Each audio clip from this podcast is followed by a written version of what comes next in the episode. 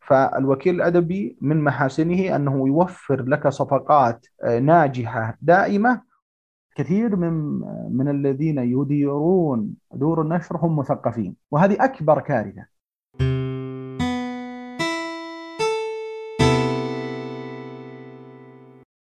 هنا بودكاست لوحة في موسم الثالث من قلب العالم من المملكة العربية السعودية يعده ويقدمه محدثكم. مصطفى بن علي هيج. لوحة أول بودكاست عربي حواري متخصص في الأدب حسب تقرير الحالة الثقافية الصادر عن وزارة الثقافة السعودية. ضيفنا في هذه اللوحة الوكيل الأدبي حاتم الشهري. فالسلام عليكم ورحمة الله وبركاته. أطلعنا حاتم على ماهية الوكالة الأدبية ومتى ظهرت في العالم ومن هم أبرز الوكلاء الأدبيين ودور الوكيل ومنافعه. وكيف سيتغير المشهد الثقافي والأدبي في المملكة بعد ظهور الوكيل الأدبي؟ ولماذا ثمة خلاف بين بعض الناشرين العرب والوكلاء الأدبيين؟ إذا كنت كاتبا أو شاعرا أو قاصا أو روائيا أو مقبلا على نشر عمل أدبي أو فني أو معتنيا بالقراءة أو بالنشر فيجدر بك الإنصات إلى هذه اللوحة لتعرف أهمية الوكيل الأدبي وتستفيد من خدماته وربما أصبحت وكيلا أدبيا.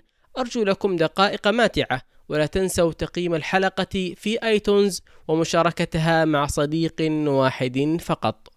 حلقة طيبة. أهلا وسهلا بك أستاذ حاتم.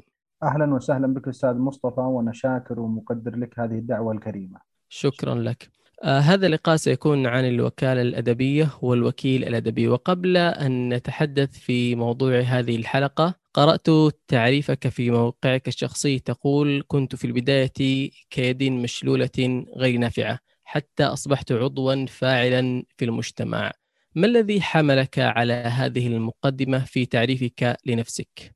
الحقيقة أني انصدمت بهذه الأسطر وقد نسيتها لأني كتبتها قبل عدة سنوات طويلة وحينما رجعت إليها نظرت لها وأنا خجل آه، لأني كنت أعتنق فكرة آه، سقيمة سابقة وقد يعتنقها كثير من الكتاب والمتواجدين في الساحة الثقافية. كنت في البداية كيد مشلولة غير نافعة لأني كنت غير آه، كاتب لم أكن كاتبا. ثم تقول هذه النفس أنها أصبحت عضوا فاعلا في المجتمع حينما أصبحت كاتبة آه، ثم أنها أصبحت تجمل وجه الحياة الكئيب وتصنع بنادق من بنادقه منارات للإبداع ومآذن للجمال وهذه من الأوهام الثقافية آه، لدى الكتاب والمثقفين يرون أنهم أعلى من بعض طبقات المجتمع فقط لأنهم يملكون مهارة مثل مهارة الكتابة أو مهارة مهارة الأدب. آه هذه الأسطر يجب أن تتغير ويجب أن تتحول. شكرا لك على هذا السؤال الجميل. أنا كتبته حينما كنت يافعا وكان نقص التجربة واضح على هذه الأسطر. يجب آه علينا كمثقفين أن ندرك تماما آه، أن الثقافة والأدب والكتابة هي مهارة ولا يحق لنا أن نرى أنفسنا على الآخرين. وقد ذكر هذا علي حرب في كتابه أوهام النخبة أو نقد المثقف. فعلا آه، المثقفين لديهم أوهام ومن هذه الأوهام آه، مثل هذه العبارات أنا أعدك أنها ستتغير وستتبدل إلى أسطر تكون واقعية وفيها كثير من التواضع. حتى بعض الأوهام جميلة. آه، أستاذ حاتم مؤخرا منحت رخصة الوكالة الأدبية أو الوكيل الأدبي أنت وستة من زملائك أليس كذلك؟ نعم صحيح. بلى. لقد منحتنا وزارة الثقافة الرخص من أجل أن نبتدي المشوار في دور الوكالة الأدبية. نحن سبعة كنا سبعة ولكن أعتقد الحين أن وصلنا إلى تقريبا 11 أو 12 وكيل أدبي وكلما زاد الرقم كلما كان هذا فيه انعكاس على المشهد الثقافي. عظيم. ما الوكالة الأدبية؟ الوكالة الأدبية هي آه، جهة آه، تكون تحتها آه، عدة وكلاء أدبيين وفيها أقسام كثيرة تعنى بالتحرير البلاغي والتصحيح اللغوي والتنسيق والإخراج الداخلي والفني للكتاب وتصميم الأغلفة.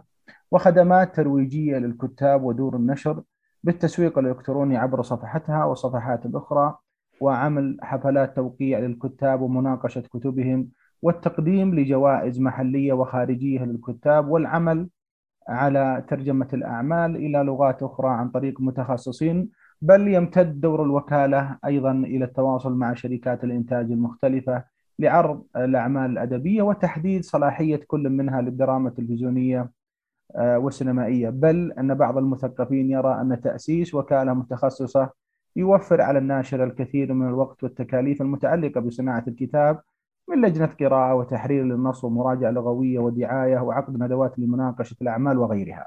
عظيم عظيم. متى بدأت الوكالة الأدبية عالميا؟ آه، الوكالة الأدبية هي معروفة آه، منذ القدم. يعني تقريبا آه، ظهر مفهوم الوكالة الأدبية للعيان من عام 1920 لأن الوكلاء الأدبيين هم رأوا أن المشهد الثقافي في ذلك الوقت بحاجة إلى دخول وسيط ما بين الكتاب وما بين دور النشر. فالوكيل الأدبي قد ظهر بشكله المعروف الآن عام 1920 ولكن في السابق يعني أقام آه، أحد الوكلاء متجر في بريطانيا عام 1875 ف مفهوم الوكيل الأدبي لدى الغرب هو مفهوم يمتد إلى أكثر من 100 سنة ولكن بالنسبة لنا في كعرب هو آه، مفهوم جديد جدا لا يتجاوز عدد العشرين أو ثلاثين سنة. عظيم. ما أشهر الوكالات الأدبية في العالم؟ آه، بلا شك أن هناك آه، كثير من الوكالات الأدبية الموجودة في الغرب مثل مجموعة راينت ميديا هي أسست عام 2000 لديها عدة كتب بل إنها تملك أكثر آه، من ألف مؤلف من الروايات الخيالية والواقعية. ويجب أن نعرف تماما أن الوكالات آه، في الغرب هي تكون متخصصة. بمعنى هناك وكالة آه، تكون مختص في مختصة في الروايات الخيالية. هناك وكالات تختص بالروايات المصورة والإنمي. هناك روايات مختصة بالشعر والمقالات. هناك آه، وكالات مختصة آه، بالكتب آه، بالكتب الدينية. هناك وكالة جين روسترين وهذه الوكالة تملك أكثر من ألف عنوان من الأفضل مبيعا على مستوى العالم. وهذه طبعا موجودة من عام 1974 إذا بين أول وكالة أدبية في العالم وأول وكالة أدبية في المملكة 100 عام تقريبا. خلال هذه الفترة في المشهد الأدبي والثقافي السعودي ما الذي كان يقوم بدور الوكيل الأدبي؟ هو لم يكن هناك آه، جهة تقوم بجميع الخدمات التي يقوم بها الوكيل الأدبي ولكن هناك آه، يعني عدة جهات تقوم بهذه الخدمات وليست من ضمن تخصصاتها مثل دور النشر مثل مكاتب الترجمة مثل آه، شركات الإنتاج آه، الصوتي والمرئي آه، من أجل أنها تقدم مثلا الكتب الصوتية وأحيانا تحول العمل إلى إلى إلى منتج مرئي. ميزة الوكالة بدل هذا التفرق وبدل هذه الجهات الكثيرة مترامية الأطراف تكون جميع هذه الخدمات تحت قبة واحدة وهي مسؤولية الوكالة الأدبية أنها تتواصل مع جميع هذه الأطراف. ما القيمة العائدة على الأدب السعودي بعد تفعيل الوكالة الأدبية؟ آه سيكون هناك آه رفعة في جودة المحتوى. لن يكون هناك آه آه طبعا هذا بالتعاون مع دور النشر. إذا إذا وضعت يدها في يد آه، الوكيل الأدبي سيكون هناك خلخلة وغربلة إلى آه، الإنتاج لأن الوكيل الأدبي يعلم ما هي الكتب أو ما هي المعايير آه، العالية التي تطلبها دور النشر. فسيكون هناك مثل الترشيح أو التصفية للكتب. فبدل ما يتجه الكتاب مباشرة إلى دار النشر يكون هناك لجنة قراءة لدى الوكالة تقرأ الكتاب تقومه وتذكر معايبه وتقوم بتحريره حتى يصبح جاهزا للنشر ثم يتم الذهاب به إلى دار النشر. فيكون العائد من وجود الوكالة أولا استقطاب الكتاب الشباب ثانيا غربلة المحتوى الكتابي ثالثا فيه عائد مادي على صناعة النشر بشكل عام لجميع الأطراف عظيم هل يمكن أن تعقد مقارنة بين حال المشهد الأدبي في المملكة قبل الوكالة وما تتمناه بعدها؟ بلا شك أن المشهد الثقافي بدون آه، وجود وكيل أدبي آه، يكون الغول الكبير دور النشر يتحكم بالمسألة ولكن بوجود الوكيل الأدبي سيتحجم دور حجم دور دور النشر إلى الحجم إلى يعني إلى حجم أقل من الحالي لكنك لا تستطيع أن تهضم حق دار النشر لأنها في الأخير هي الحلقة الأقوى. هذا قبل لكن بعد وجود الوكيل الأدبي سيكون موقف المؤلف أقوى بكثير من السابق. سيكون متفرغا للعملية الإبداعية أيضا الدار ستتفرغ إلى العمل على عمليات التوزيع والطباعة وستجعل مهمة التواصل آه، مع المؤلف من مهمة الوكيل الأدبي. خلال كم سيتغير المشهد؟ والله هذا يعود صراحة إلى آه، تعاون دور النشر وأيضا الكتاب. هناك تعاون كبير من الكتاب ولكن هناك أيضا بعض المؤلفين يجهل ما ما هي ماهية عمل الوكيل وما دوره.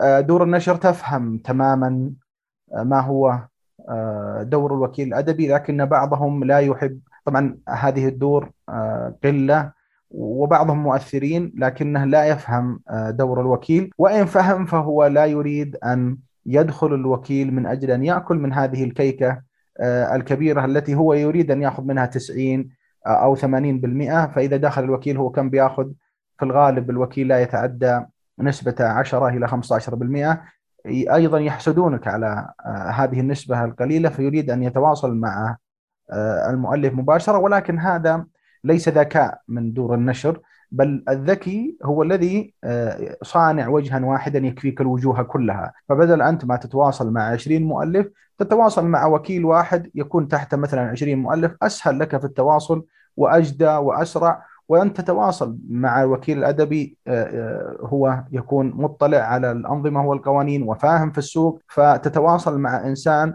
سيختصر عليك جهدا كثيرا. كأن بينك وبين بعض الناشرين مشكلة. أنا كشخصية ليس لدي مشكلة المشكلة لديهم وليست المشكلة لدي و...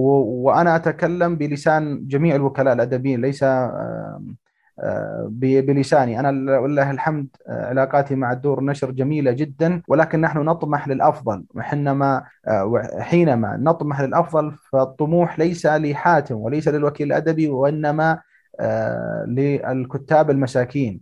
فنحن بلا شك أن الوكيل الأدبي يقف في المقام الأول في صف آه، الكاتب وثانيا يقف في صف نفسه وثالثا هو يقف في صف آه، دور النشر. العلاقة هي علاقة مترددة وعلاقة خطيرة لأنه يعلم دار النشر أنك في صف الكاتب وأنت تعلم أنك تريد الأفضل للكاتب ودار النشر يريد الأفضل لنفسه، فهنا تكمن العم... هنا يكمن ذكاء الوكيل في توفيق المصالح ما بين الأطراف كلها، أنه يجد صفقة مناسبة له هو شخصيا ويجد صفقة مناسبة للكاتب وأيضا لا يبخس حق الدار، كيف تدار هذه العملية؟ هذا هو كنه العملية عملية الوكيل الأدبي. هل هناك من فرق بين الوكالة الأدبية والوكيل الأدبي؟ آه نعم فرق بسيط. فأن تتكلم عن جهة وتتكلم عن آه تتكلم عن آه عن فرد.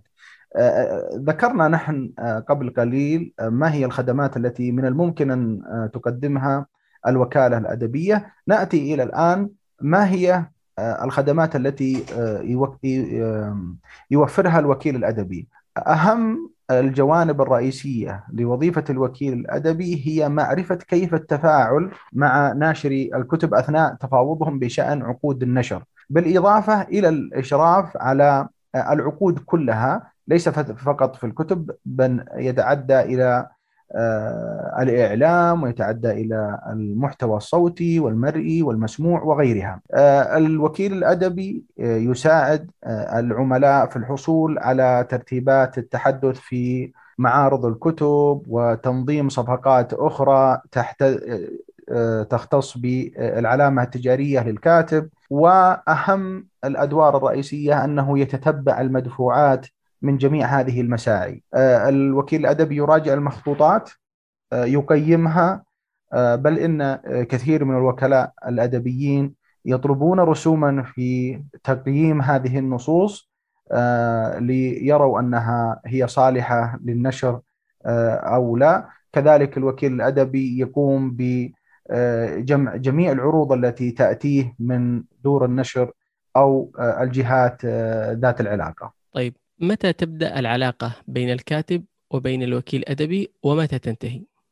العلاقة هذه تعود إلى الكاتب نفسه في بعض بعض المؤلفين يكون من حيث أن الفكرة كانت في البال فهو يناقش الوكيل الأدبي وتكون هذه المرحلة هي مرحلة ثقة مطلقة لأن كثير من الكتاب هم يظنون بأفكارهم لانها لأنهم يعتقدون أنها أفكار يعني خاصة وأنها أفكار قد تكون معرضة للسرقة. ولكن الكاتب الكبير والكاتب الواثق من نفسه هو يناقش مع الوكيل الفكرة من حيث كانت في البال ثم قبل أن حتى يكتبها على الورق من أجل أن الكاتب هو أفهم في السوق ويعرف ما توجهات السوق لهذه السنة أن سنوات النشر هي تختلف أحيانا تكون هذه سنة روايه أحيانا تكون هذه سنة تطوير ذات أحيانا تكون هذه سنوات الشعر.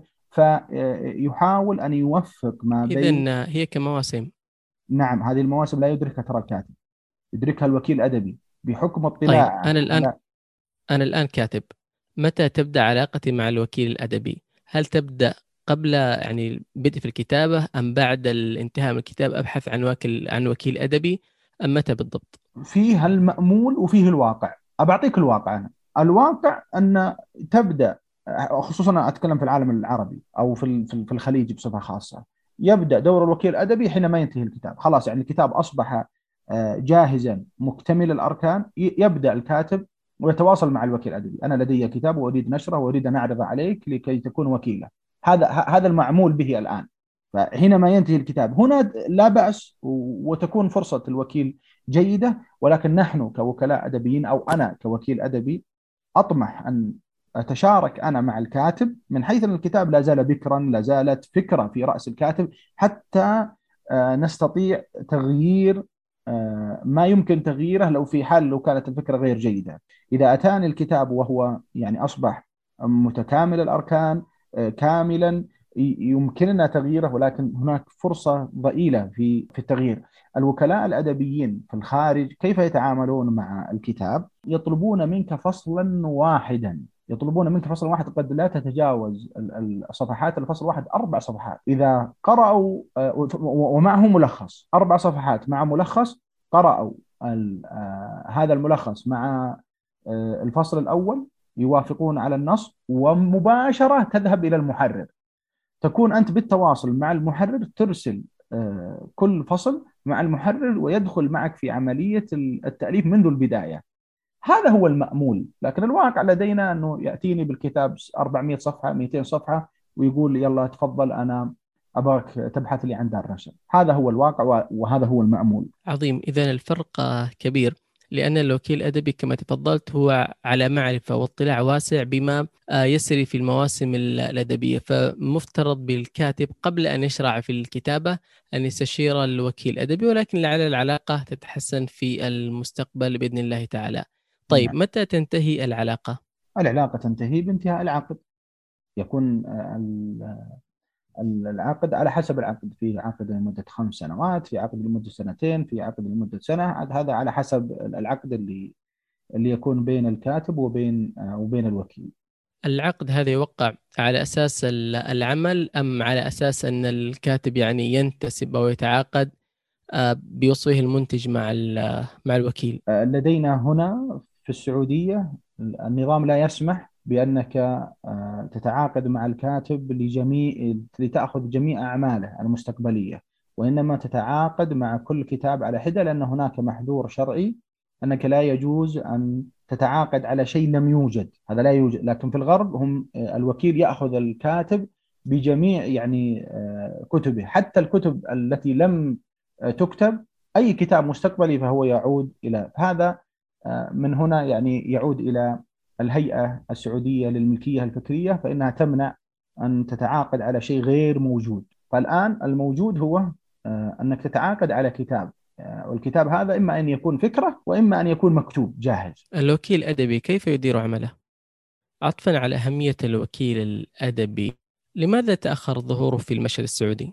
والله شوف أن تأتي متأخرا خيرا من أن لا تأتي. يعني لماذا تأخر؟ هو ليس فقط في السعودية يعني هو في العالم العربي. موجود الوكالة الأدبية في مصر وفي سوريا وفي لبنان ولكن هي موجودة كاسم ولكن لم تفعل ولم توجد أي وكالة أدبية ذات صيت في في العالم العربي كله. موجودة في مصر من 30 40 سنة ولكن هي أشبه بوكالة دعاية أكثر من كونها وكالة أدبية حقيقية. فالمفهوم تأخر آه، كثيرا ليس في السعودية بل في العالم العربي كله. وهذا يعود إلى آه، أن صناعة النشر هي متأخرة لدينا ومن ضمن هذه الصناعة هي الوكالة الأدبية. الوكيل الأدبي إلى الآن في بعض دور نشر أقول لك هو آه، غير محبب وقد تواصلنا مع كثير من الدور العربية والدور الخليجية. بعض الدور تشترط وتقولها بهذا بالفم المليان. نحن لا نتعامل مع الوكيل الأدبي. لماذا؟ نقول عجيب. نعم. عشان فقط النسبة البسيطة مع أن دور النشر يعني تشكو يعني الويل والثبور من الناحية المالية. آه، تدري ليه؟ كثير من من الذين يديرون دور النشر هم مثقفين. وهذه أكبر كارثة. في في صناعة النشر. يجب أن يدير آه، يكون الرئيس التنفيذي لأي دار نشر آه، متخصص في الإدارة وليس متخصص في النشر. لأن هذه هي تجارة في الأخير. يعني لا لا لا, آه، نسوق للعبارات الرائجة نحن نصنع الأدب نحن القراءة كلنا نعلم أن هذا وهم. كثير من دور النشر لم تفتح إلا لأنها تعامل الكتاب كسلعة. فلذلك إذا كنت تعامل الكتاب كسلعة من ناحية الربح والخسارة فيجب أن توظف الناس المناسبين في الإدارة وليس المثقفين، المثقف صالح للمشهد الثقافي كفاعل وليس كمدير. ولذلك تخسر وتنهار كثير من دور النشر بحكم أنها تدار آه، كجهة ثقافية وليس ك جهة آه، ربحية كجهة تجارية. لأنك لو أدرت دار النشر كجهة ربحية وتجارية سوف تنجح على الصعيد الثقافي. إذا كانك تقول لزملائك الناشرين عاملوا النشر كسوق. لا هم لا هم هم يعاملون طيب كسوق انت الآن الآن. كوكيل أدبي طيب فين المشكلة اذا؟ هم يعاملون كسوق لكن يعاملونه كسوق ولكن آه الذين يعاملون كسوق هم مثقفين لا يصلحون لمهنة التجارة كثير طيب. من كثير من دور كثير من دور النشر الناجحة لدينا لو رجعت إلى آه، الرئيس التنفيذي أو إلى طاقم الإدارة ستجد أنهم متخصصين في الإدارة وليسوا متخصصين في الثقافة. أنت الآن وكيل أدبي نعم وتملك وكالة أدبية. طيب نعم. آه، من أين ستحصل أرباحك في في العمل؟ بمعنى يعني هل وضع الكتاب العربي على مستوى المملكة أو الخليج أو الوطن العربي يحتمل ظهور طرف ثالث؟ آه نعم يحتمل آه وجود طرف ثالث في حال أن الوكيل الأدبي كان ذكيا آه بالكفاية من أجل أن يدير هذه العملية. آه في الأخير أنت يجب أن تجود النص لمرحلة تستطيع أنك تساوم عليه. آه، المشكلة الآن أن الكتب هي ضعيفة جدا لدينا وليست لا تقوم بنفسها ولكن حينما تبدأ في تجويد هذا النص ستستطيع أن يعني تستخرج نسبة كافية لك ونسبة كافية للأطراف ذات العلاقة. هذه النسبة التي تستخرج هل تستخرج في النطاق السعري للكتب أم ربما ستزيد اسعارها في المستقبل؟ آه، من ناحية النسبة فهي تختلف يعني على على حسب العقود. هناك بعض الوكلاء يأخذ نسبة معينة من الصافي من المبيعات وهناك وكيل يأخذ مبلغ مقطوع مباشرة وليس آه، ولا يدخل في التصفية النهائية في المبيعات فهي تختلف على حسب آه، العقد وعلى حسب الكتاب وعلى حسب الكاتب وعلى حسب الدار. ليس هناك آه، نموذج موحد يصلح للتعاقد مع كل الكتب ومع كل الكتاب. طيب. الآن سعر مثلا رواية سين 40 ريال. بعد دخول الوكيل الأدبي لإنتاج أو إصدار الرواية صاد هل سوف يزيد سعر هذه الرواية بناء على نسبة الوكيل؟ لا لا لا أبدا. أبدا. آه إذا يعني خوف الناشر مبرر لأنكم سوف تأخذون من نسبتهم آه، خوف الناشر غير مبرر لأني أنا سآتي لك بكتاب في الغالب. طبعا يعني أنا أضمنه أنه سيكون من أكثر مبيعا أو أنه سيفوز بجائزة أو أنه فحينما آه، يستفيد الجميع أفضل من أن تكون استفادة طبعا استفادة للجميع ومستمرة. أفضل من أنك يا دار النشر تستفيد مرة واحدة ولوقت آه، قصير. فالوكيل الأدبي من محاسنه أنه يوفر لك صفقات آه، ناجحة دائمة ولو كان ربحك فيها قليل ولكن كثير قليل آه، دائم خير من كثير منقطع خلينا الآن نشوف دور الناشر يعني قبل الوكالة ونشوف كذلك دوره بعد الوكالة. يعني مثلا قبل سنة كان الكاتب يتوجه إلى إلى ناشر إذا ما يبغى ينشر بشكل فردي يعطيه الكتاب. الناشر ممكن يقرأ وممكن يراجعه. بعد ما ينتهي من هذه العملية راح يدفعه إلى إلى الطباعة. طيب حيطبع الكتاب. بعد كذا الناشر هو الذي سيتولى عمليات البيع والتوزيع والتسويق أيضا. تمام؟ نعم صحيح. بعد دخول الناشر آه، حسب اللي فهمته من كلامك آه، سيتوجه الكاتب إلى إلى وكيل أدبي. آه، بعد دخول الوكيل الأدبي لاختلف الوضع الكاتب سوف يتوجه إلى الوكيل الأدبي يتعاقد مع الوكيل الأدبي. الوكيل ممكن يحرر الكتاب يطوره ثم يبحث عن ناشر ينشره. بمعنى إنه سيقتصر دور الناشر في مسألة الطباعة فقط أم سيتعدى؟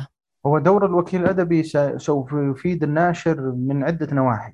أو اولا أنه لجنة القراءة التي ستكون في الدار سيقيمها الوكيل الأدبي ومع الثقة المتبادلة بين الوكيل وبين الدار سوف يفهم الوكيل ما هي المعايير الخاصة بهذه الدار ويعرف ما هي الخطوط التي آه، يريدون النشر فيها. فلذلك أنت ستختصر آه، عملية التحرير وعملية القراءة وجودة النص وبعد خروج الكتاب من ناحية التسويق وتسويق الكاتب سيخف كثيرا الضغط على دار النشر وستكون الدار هي آه، حريصة على تواجد الكتاب أو توفر الكتاب في منافذ البيع وتسويقه بشكل آه، يعني معين ولكن الحمل الأكبر سيكون على الوكيل الأدبي. ما القيمة العائدة على المتلقي أو على القارئ؟ القيمة أنه سوف سوف يرى كتبا أجود، سوف يرى كتب آه، تليق آه، بالمشهد، سوف يرى كتب تليق به، سوف يكون هناك خلخلة كثير آه، أو غربله لكثير من الكتب التي الآن لا تمر بالوكيل الأدبي وإنما تمر إلى الدار مباشرة وربما تكون هذه الدار هي دار تجارية وتنشر فقط من أجل الربح. سوف يكون هناك آه، رفع لمستوى الكتب بصفة عامة وستكون هذه يعني الوكيل الأدبي كأنه اختبار قدرات مثل ما هو موجود في الجامعات.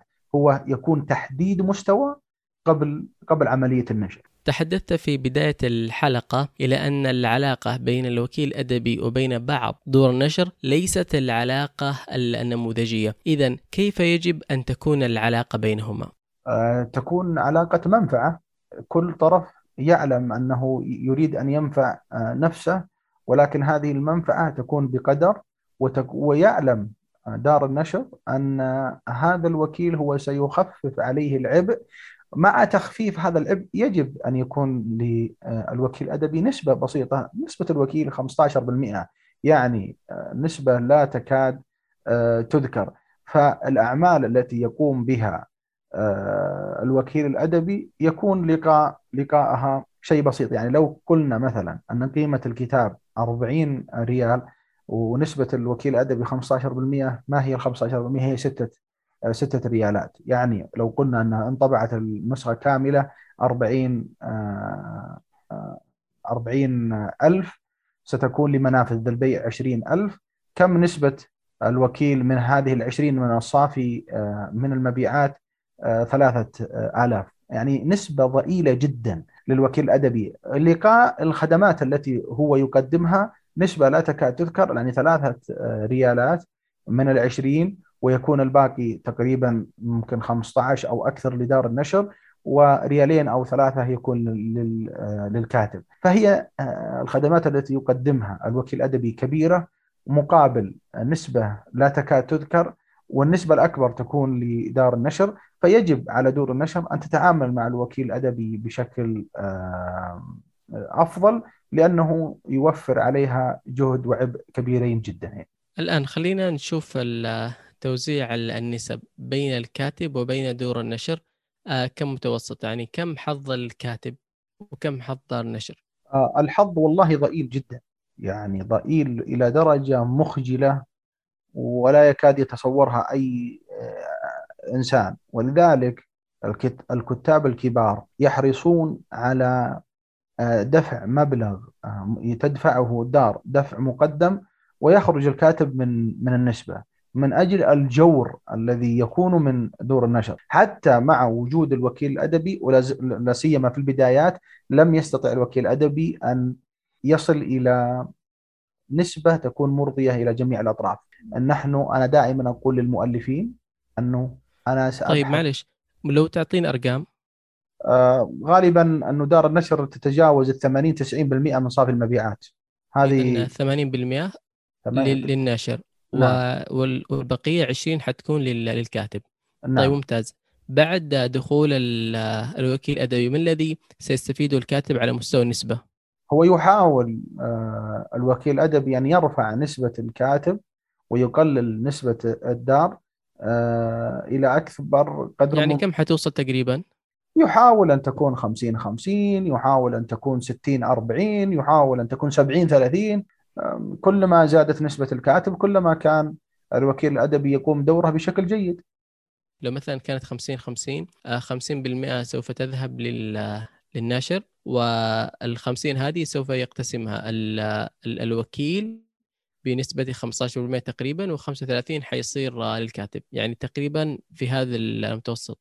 تقريبا بهذا وربما مثلا آه، يتعاقد الكاتب مع الم... طبعا الآن عقد الوكالة مع الوكيل الكاتب مع الوكيل يكون بمبلغ فأنا لا أصبح موكلك بالمجان وإنما يجب أن تدفع لي حتى أكون وكيلا لك. مبلغ بسيط يعني ليس مبلغ رمزي ولكن لقاء الاجتماعات التي أحضرها نيابة عن المؤلفين والاتصالات وطباعة مثلا الملخصات أو السير أو أي الأمور اللوجستية التي يقوم بها الوكيل الأدبي. فهي أحيانا لا سيما في البدايات الوكيل الأدبي لا يأخذ يعني أو لا يحاول أن لا يدخل في النسبة في نسبة الكتاب حتى لا آه، يعني يظلم الكتاب. وإنما يكون يعني هي آه، يكون بالاتفاق مع المؤلف ربما يأخذ الوكيل مبلغ مقطوع ويخرج من الكتاب كاملا يعني على حسب الكتاب.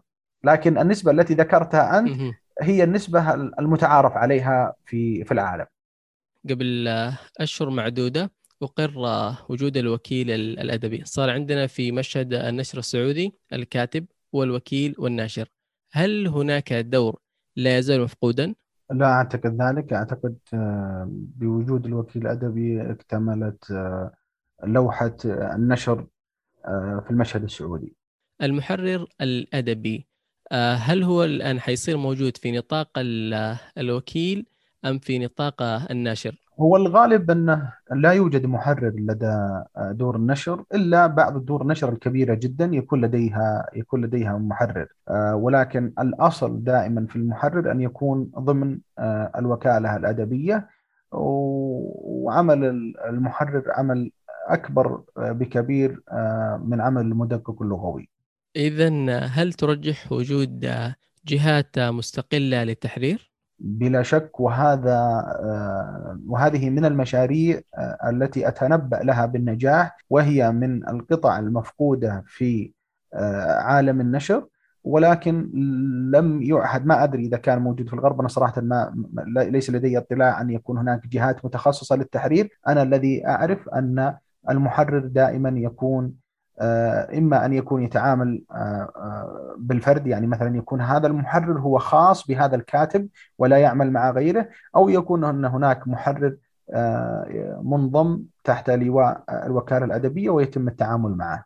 ما سمات الوكيل الأدبي البارع؟ وأن يكون يملك عين ثاقبة في اكتشاف المواهب يكون لديه معرفة بأماكن الفرص الناجحة ويقتنص أيضا الكتاب الناجحين آه، يكون آه، صاحب آه، ذكاء عاطفي في إدارة الجهات مع يكون يعني طرف في الجهات مع دور النشر مع السينما مع المسرح ويكون ذا علاقة طيبة مع دور النشر ويعرف كيف يدير هذه الشبكة بذكاء عالي جدا كيف يصبح الفرد وكيلا أدبيا؟ المعمول به هنا في السعودية أنك تقدم على وزارة الثقافة لأن هي الجهة المانحة لهذه الرخصة المعنية بهيئة الأدب والنشر والترجمة. تقدم على على الوزارة. يجب أن تكون لديك سيرة ذاتية حافلة آه، ولديك خبرة في في هذا المجال من أجل أنك تمنح من أجل أن تمنح هذه الرخصة. يتم رفع الطلب. ثم يراجعون الوزارة طلبوا إذا رأوك مؤهلا لأن تكون وكيلا آه، يعني تدفع رسوم هذه الرخصة وتصبح وكيلا أدبيا ما التسهيلات التي قدمتها وزارة الثقافة للوكلاء الأدبيين؟ الحقيقة هنا نقطة إجلال وتقدير واحترام إلى وزارة الثقافة آه، بشكل عام وبشكل خاص هيئة الأدب والنشر والترجمة على جميع التسهيلات التي آه، يوفرونها إلى الوكيل الأدبي من خلال الاجتماعات آه، الكثيرة في آه، مع الوكلاء الأدبيين وتذليل المصاعب لهم ومعرفة ما هي النواقص التي يحتاجونها من أجل مع الجهات الكثيرة ذات العلاقة من أجل أن فعلا يكون دور الوكيل الأدبي حاضر فهم يعني يتواصلون بشكل دوري يقيمون اجتماعات يشركون الوكيل الأدبي في أي مبادرة من الممكن أن يشارك فيها الوكيل الأدبي فجهدهم مشكور وملحوظ ومشاهد وملموس أيضا فلهم منا كل التقدير والاحترام آه، ويعطيهم ألف عافية ونحن في الأخير انعكاس لهم وانعكاس لدورهم الذين الذي يقومون به على جميع الأصعدة. ما الذي يعد به حاتم الشهري المشهد الأدبي في المملكة كوكيل. أعيد فقط في السابق أن منحك للرخصة وإعطائك إياها وتحمل هذه الرخصة لا يعني فعلا أنك وكيل أدبيا آه، بشكل فاعل. نعم أنت تملك الرخصة ولكن كثير من الوكلاء يملكون هذه الرخصة ولكنهم لا لا آه، لم يعملوا ولم يؤثروا في المشهد الثقافي فالرخصة ما هي إلا آه، وسيلة إلى الغاية الكبرى هي إفادة إفادة المشهد. ما الذي يعده حاتم الشهري؟ أنا أعد بإذن الله في في حدود إمكانياتي أنني سوف أستقطب آه، مواهب شابة إلى المشهد الثقافي سأحاول أن الكتب التي أكون أنا وكيلا لها تكون ذات جودة مرتفعة وأنها تكون جاهزة لأن تكون مرشحة إلى جوائز كبرى آه، أوعد بأن أحمل الكتاب السعوديين على أكتافي من أجل أن يحصلوا على أرفع الجوائز العالمية من أجل تشريف بلدي ورفع سقف التوقعات كثيرا لدى الكتاب وأننا آه، نستطيع أن نصل إلى هذه الجوائز بكل سهولة إن شاء الله بإذن الله الوكيل الأدبي حاتم الشهري ما مشاريعه القادمة؟ آه، هناك مشاريع كثيرة صراحة آه، في البال لا سيما آه، أنني الآن أنا المشرف العام على وكالة حرف الأدبية وهي أول وكالة أدبية في المملكة والوكالة لديها مشاريع كثيرة تنوي القيام بها. نحن لا زلنا الآن في البدايات و لدينا خطة استراتيجية معمولة على الربع الثالث والربع الأخير في السنة. لا زال لا زلنا في عملية التخطيط والكتابة لكن أعد بإذن الله أن نهاية السنة ستكون ستكون الخطة معلنة وستكون الخطة واضحة للجميع وسنكون ستكون الوكالة ترحب بجميع الكتاب الذين تريد الوكالة تمثيلهم بإذن الله تعالى أخيرا كيف ترى الوكالة الأدبية بعد عشر سنوات؟ هذه من الأسئلة صراحة الصعبة ولكن إن سارت الأمور آه، مثل ما سارت بهذا الرتم المتسارع في في آه، هاتين السنتين. آه، أعتقد أن الوكالة الأدبية سوف تكون من المحاور القوية في صناعة النشر وستكون لربما ندا كبيرا لدور النشر وسوف يكون التعامل مختلف تماما عن التعامل الحالي. وسيكون الوكيل الأدبي له بصمته في آه، الوكيل الأدبي الذكي سوف تكون له بصمته في عالم النشر ودور النشر هي التي ستطلب ود الوكيل وليس العكس. بإذن الله تعالى حاتم الشهري الوكيل الأدبي السعودي سررت بك في هذا اللقاء في بودكاست لوحة. وأنا كذلك شكرا آه، لك على هذه الاستضافة محبتي وتقديري لك أستاذ مصطفى. أهلا بك. أيها المستمعون الكرام هذا أنا مصطفى هيج من قلب العالم من المملكة العربية السعودية. شكرا لكم.